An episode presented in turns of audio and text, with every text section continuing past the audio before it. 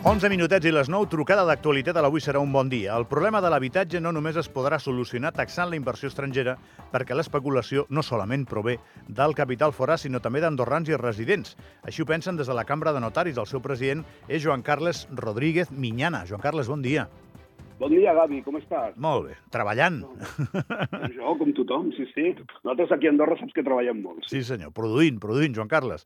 Benvingut al, al programa. Desenvolupem, desenvolupa'm això, si us plau, que ahir ja vas explicar i és molt interessant a Ràdio Televisió d'Andorra. Uh, bé, una mica el que tu dius, no? És a dir, eh, el tema de l'habitatge és un tema molt preocupant, eh, que, que afecta a tothom, i, eh, clar, a un, sistema, a un tema tan complicat doncs, requereix solucions molt complicades. I això és el que entre tots eh, doncs, està intentant fer, no? des del govern, des de l'oposició, des dels grups parlamentaris, des de fora del Parlament, des de, des de la visura, des dels ciutadans, tothom hi vol anar avançant i és això el que, el que va provocant que, que cada vegada doncs, es puguin fer coses. No? S'ha treballat en el tema de fer nous habitatges eh, socials, i ara s'està, per exemple, treballant aquest projecte de llei sobre, sobre tributació de la inversió estrangera i ja veiem doncs, que, que això és un monstre amb diversos caps i que ha d'anar sent, doncs, a poc a poc, sent atacant per uns i altres. No? La idea era aquesta, no és buscar un boc expiatori, no és buscar, doncs, eh, si és possible, un estranger, a més a més especulador, no? que això ja ens va de pel·lícula, no? sobre sabegat de diners, doncs, eh, doncs ja tenim el problema sol solucionat, l'ataquem i, i, i tot s'arregla per aquí, sinó que és un tema molt més complicat. A Espanya, per exemple, la majoria, dades dels notaris espanyols, la majoria de les transmissions immobiliàries a Espanya, ara mateix, la majoria s'estan fent trinco-tranco, és a dir, amb famílies que van allà amb diners, pum, compren l'habitatge i se'n van cap a casa sense préstec hipotecari. Clar, això és absolutament anormal. Això, I això està passant a Espanya, no dic aquí. Jo vaig estar a Porto, a Portugal, que em van convidar els notaris portuguesos a fer una, una ponència sobre, sobre digitalització i notariat, i em vaig adonar a veure el riu d'Ouro, que és on està, diguem tot el millor de, de Porto, doncs tot era allotjament turístic. Que la culpa és l'allotjament turístic? Pues no, però també s'ha atacat l'allotjament turístic. Ben fet, perquè s'havia d'atacar. Millor, pitjor, però s'ha d'atacar. Que la culpa és la inversió estrangera? No només la inversió estrangera. I el més important, Davi, ara diré una cosa. El més important és que amb aquest projecte de llei s'ataca per primer cop, no ens quedem amb els titulars, no ens quedem amb el del 3 al 10, sinó que s'ataca per primer cop les tres potes de la inversió estrangera, que fins ara oblidàvem, les oblidàvem totalment.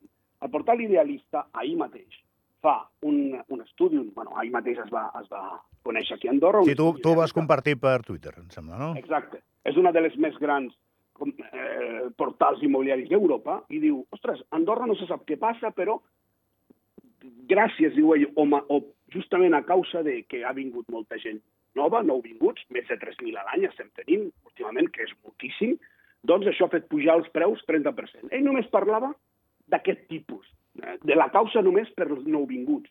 La causa no és només els nouvinguts, però també hem d'atacar els nouvinguts. O sigui, la causa no és la inversió estrangera en immobles clàssica, però també l'hem d'atacar. La causa, no és, la causa única no és eh, la inversió estrangera de nouvinguts, però també s'ataca amb aquesta nova llei, per primera vegada. Eh?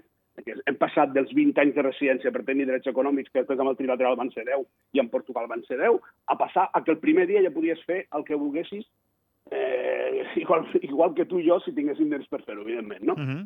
I després s'ha atacat la tercera pota, que potser és la més, diguem-ne, la més oculta, la més subreptícia, però que és la que potser eh, potser fa mal també, que és la de les, grans, les companyies estrangeres que fan promocions immobiliàries a Andorra i s'enduen els diners a fora. Això, evidentment, mm, no sé si eh, la llei ho hauria de permetre o no hauria de permetre, no sé si ho permet o ho permet, no sé, no sé, no sé moltes coses, però el que sí sé és que també és una causa i també s'ataca nova nou projecte. A, Això a va tu t'agrada aquest projecte de llei? Eh, no em desagrada gens. I des de luego et diré una cosa, és fruit de moltes converses, de molt de temps, amb molta gent, no només amb govern, i nosaltres el que veiem és que vam començar entre tots, entre tots, eh, govern, oposició, tothom, a fer reflexions sobre aquest tema. Brain, era un autèntic brainstorming, és a dir, al principi eh, no, no, no, deies, ostres, aquestes solucions, punyeta, això se'n va molt, d'on hem d'anar. Però a poc a poc, a poc a poc, entre tots, hem anat trobant una mica el punt de mira, l'hem anat situant on calia. No? Aquest projecte de llei, que ningú es pensi que això ho arregla tot. Com, ni, com no arreglarà tot eh, fer més eh, pisos, ni arreglarà tot, ni arreglarà tot, ni arreglarà tot. Són solucions que s'han d'anar posant i que finalment doncs, eh, doncs ens han de portar a estabilitzar el mercat. Però repeteixo, eh, això que ens passa a nosaltres d'alguna manera està passant per tot. Eh, L'habitatge, malauradament, això és el que jo deia ahir, deixa de ser, o deixa de ser, continua sent, continua sent una necessitat per les famílies, però diguem-ne que entre tots, amb les pujades de tipus d'interès i demés, que no és culpa dels bancs, que és culpa del Banc Central, però tampoc és culpa del Banc Central Europeu, però el Banc Central Europeu ha anat pujant els tipus al remolc de la pujada real en els mercats. És a dir, sempre ha anat, gairebé sempre, alguna vegada s'ha passat un quartet, però no, no gaire, ha anat sempre al remolc del que el mercat ja estava dient, que s'havia de pagar aquell tipus d'interès.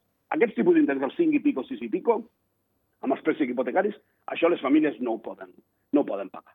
I... Joan Carles, tinc, tinc una pregunta que em podràs acusar, i a més a més tens el meu permís per fer-ho, de naïf, d'ingenu o, o del que vulguis, però del que vulguis en relació a això, doncs, aquesta innocència amb la que et preguntaré això. A mi m'amoïna molt el tema que va dir la ministra Marçó dels pisos buits. M'amoïna perquè el meu, el meu cervell no ha estat prou evolucionat per entendre que un país que té una estimació de 2.000 habitatges buits no para de fer-ne de nous. M'amoïna per pura simplicitat del pensament, eh, Joan Carles? Ara, jo penso, tan difícil deu ser anant al registre saber qui és el que no activa totes aquestes vivendes, de qui són? Tan difícil eh... deu ser? I ara digue'm naïf, ingenu, criatura, digue'm el que vulguis. Bueno, diré tot això i tot i més, però, però, no, però no, no, no és aquesta la qüestió. És que estem altre cop amb, amb, amb, amb la solució màgica. I la solució màgica no existeix. És a dir, aquests pisos no són uns pisos que, que s'han fet eh, per, provi per providència divina i estan allà. Aquests pisos s'han fet perquè uns senyors els han comprat i són els amos. No? Es deia, fa no gaire, que... Això seria una resposta. Però vull dir, si, si se'ls han comprat, són els amos, viuen a Barcelona i no venen, és seu. Eh, claro. Hi ha molta gent d'Andorra que té una segona residència i la residència està habitada poques vegades l'any. Això passa. El tema és, si hi ha gent que, que, que s'ha comprat aquests pisos, Joan Carles, ja veus per on va la pregunta, evidentment, només per especular, identifiquem-los, no? Sabem qui són. Que igual ens emportem una sorpresa. Sí, és clar, però aviam, anem a veure. Dèiem, a des, eh, solucions màgiques. Eh, 2.000 pisos, 3.000 pisos, ara cada vegada són menys, però bueno, és igual, són molts. Eh? I, i diem, bueno, això, clar, perquè hi ha la limitació aquesta, que s'ha de pagar el 710 a Espanya, que van pagar el 150%, que això és una barbaritat. Bueno, tot això ha desaparegut. Tot això ha desaparegut i ja es veia venir que, que desapareixeria. Ja era evident que la jurisprudència europea anava a carregar-se aquest 710 famós que ja veiem de fa anys que això no aniria enlloc. Ha canviat això el mercat andorrà? S'han alliberat pisos? La resposta, no. No. Resposta és no, això està claríssim.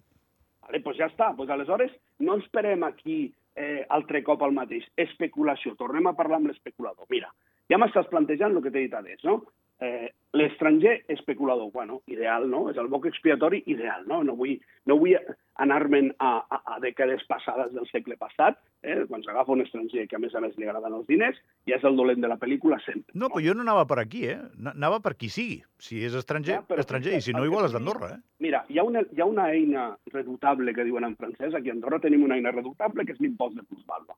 L'impost de plusvàlua grava ara mateix els 10 primers anys, cosa normal, perquè si m'estàs parlant d'especulació amb la gent que els seus pares compren un pis i els moren els pares 40 anys després i els fills venen a agafar l'herència, que és el que està passant avui dia, perquè com no hi ha inversió estrangera, l'única inversió estrangera que veiem és aquesta, eh, per mortis causa, ningú demana permís al govern per morir-se, com, com és obvi, eh, doncs ens adonarem que, que això no és especulació. És a dir, una família que ha gaudit 40 anys d'un pis jo no puc dir que siguin especuladors. Està, però tant, aquesta és una part petita per un tot. Jo, jo parlo de, no, no, no, de no temes petita. significatius eh, estadísticament. No, no és petita. Avui dia no és petita. Ah, no és petita. Estadísticament, no. Ara mateix, com no hi ha inversió estrangera perquè està aturada, és una part molt important. Uh -huh. Per tant, no és petita, primera. Segona, parlem de números, com tu dius, parlem de números. Eh, plusvàlua, 10 anys. Quantes plusvàlues, saps que és una decreixent de 15% a l'1%. Quantes plusvàlues es paguen al 15 i al 13% que són el primer i el segon any? Vols que t'ho digui? Poquíssimes. Poquíssimes. Per tant, això de que jo compro i venc, perdoneu, però no és així. I, des de luego, l'estranger segur que no. L'estranger no resident segur que no, perquè aquest estranger no resident ha de demanar un permís d'inversió estrangera que li triga no sé quants mesos a portar-lo. Ha de, ha de, ha de de portar uns diners d'Espanya o de França, d'on sigui, o pagar-los des d'allà i justificar-los degudament a la seva hisenda, eh? evidentment, perquè no? Perquè, evidentment, el banc espanyol, si transfereixes 300.000 o fas un xec bancari eh, de 300.000 euros o 400.000 euros, evidentment, el banc espanyol el primer que fa és parlar amb el Banc d'Espanya, que és entitat delegada, i li diu, escolta, m'acaba de sortir el senyor Gabriel Fernández Coy, s'han dut 300.000 euros que diu que compra un pis a Andorra. Això està claríssim. Em fa gràcia que em diguis pels dos cognoms, Joan Carles, nota que ets Ah, notari. és que jo tinc la mania aquesta. Joan Carles, que aquesta conversa quedarà matemàticament curta, ja t'ho dic ara, perquè no tinc més temps, que, que són les 9. Eh, has de venir un dia i parlar amb més calma d'això, d'acord? Ai, bueno, com tu vulguis, ahir em sembla que fèieu la broma, si em permet, amb la teva companya, dient, ostres, diu, ahir vam fer el primer programa davant de notari, i vas dir tu. I home, diu, potser no haurem de fer més, no? Doncs n'hem de fer Mira, més. I, I gairebé ja estem en ello, no? Vull Hauràs de venir. Fixa't. Abraçada, Joan Carles, que vagi molt bé i gràcies, eh? Una altra per tu, adéu-siau. Vinga, adéu.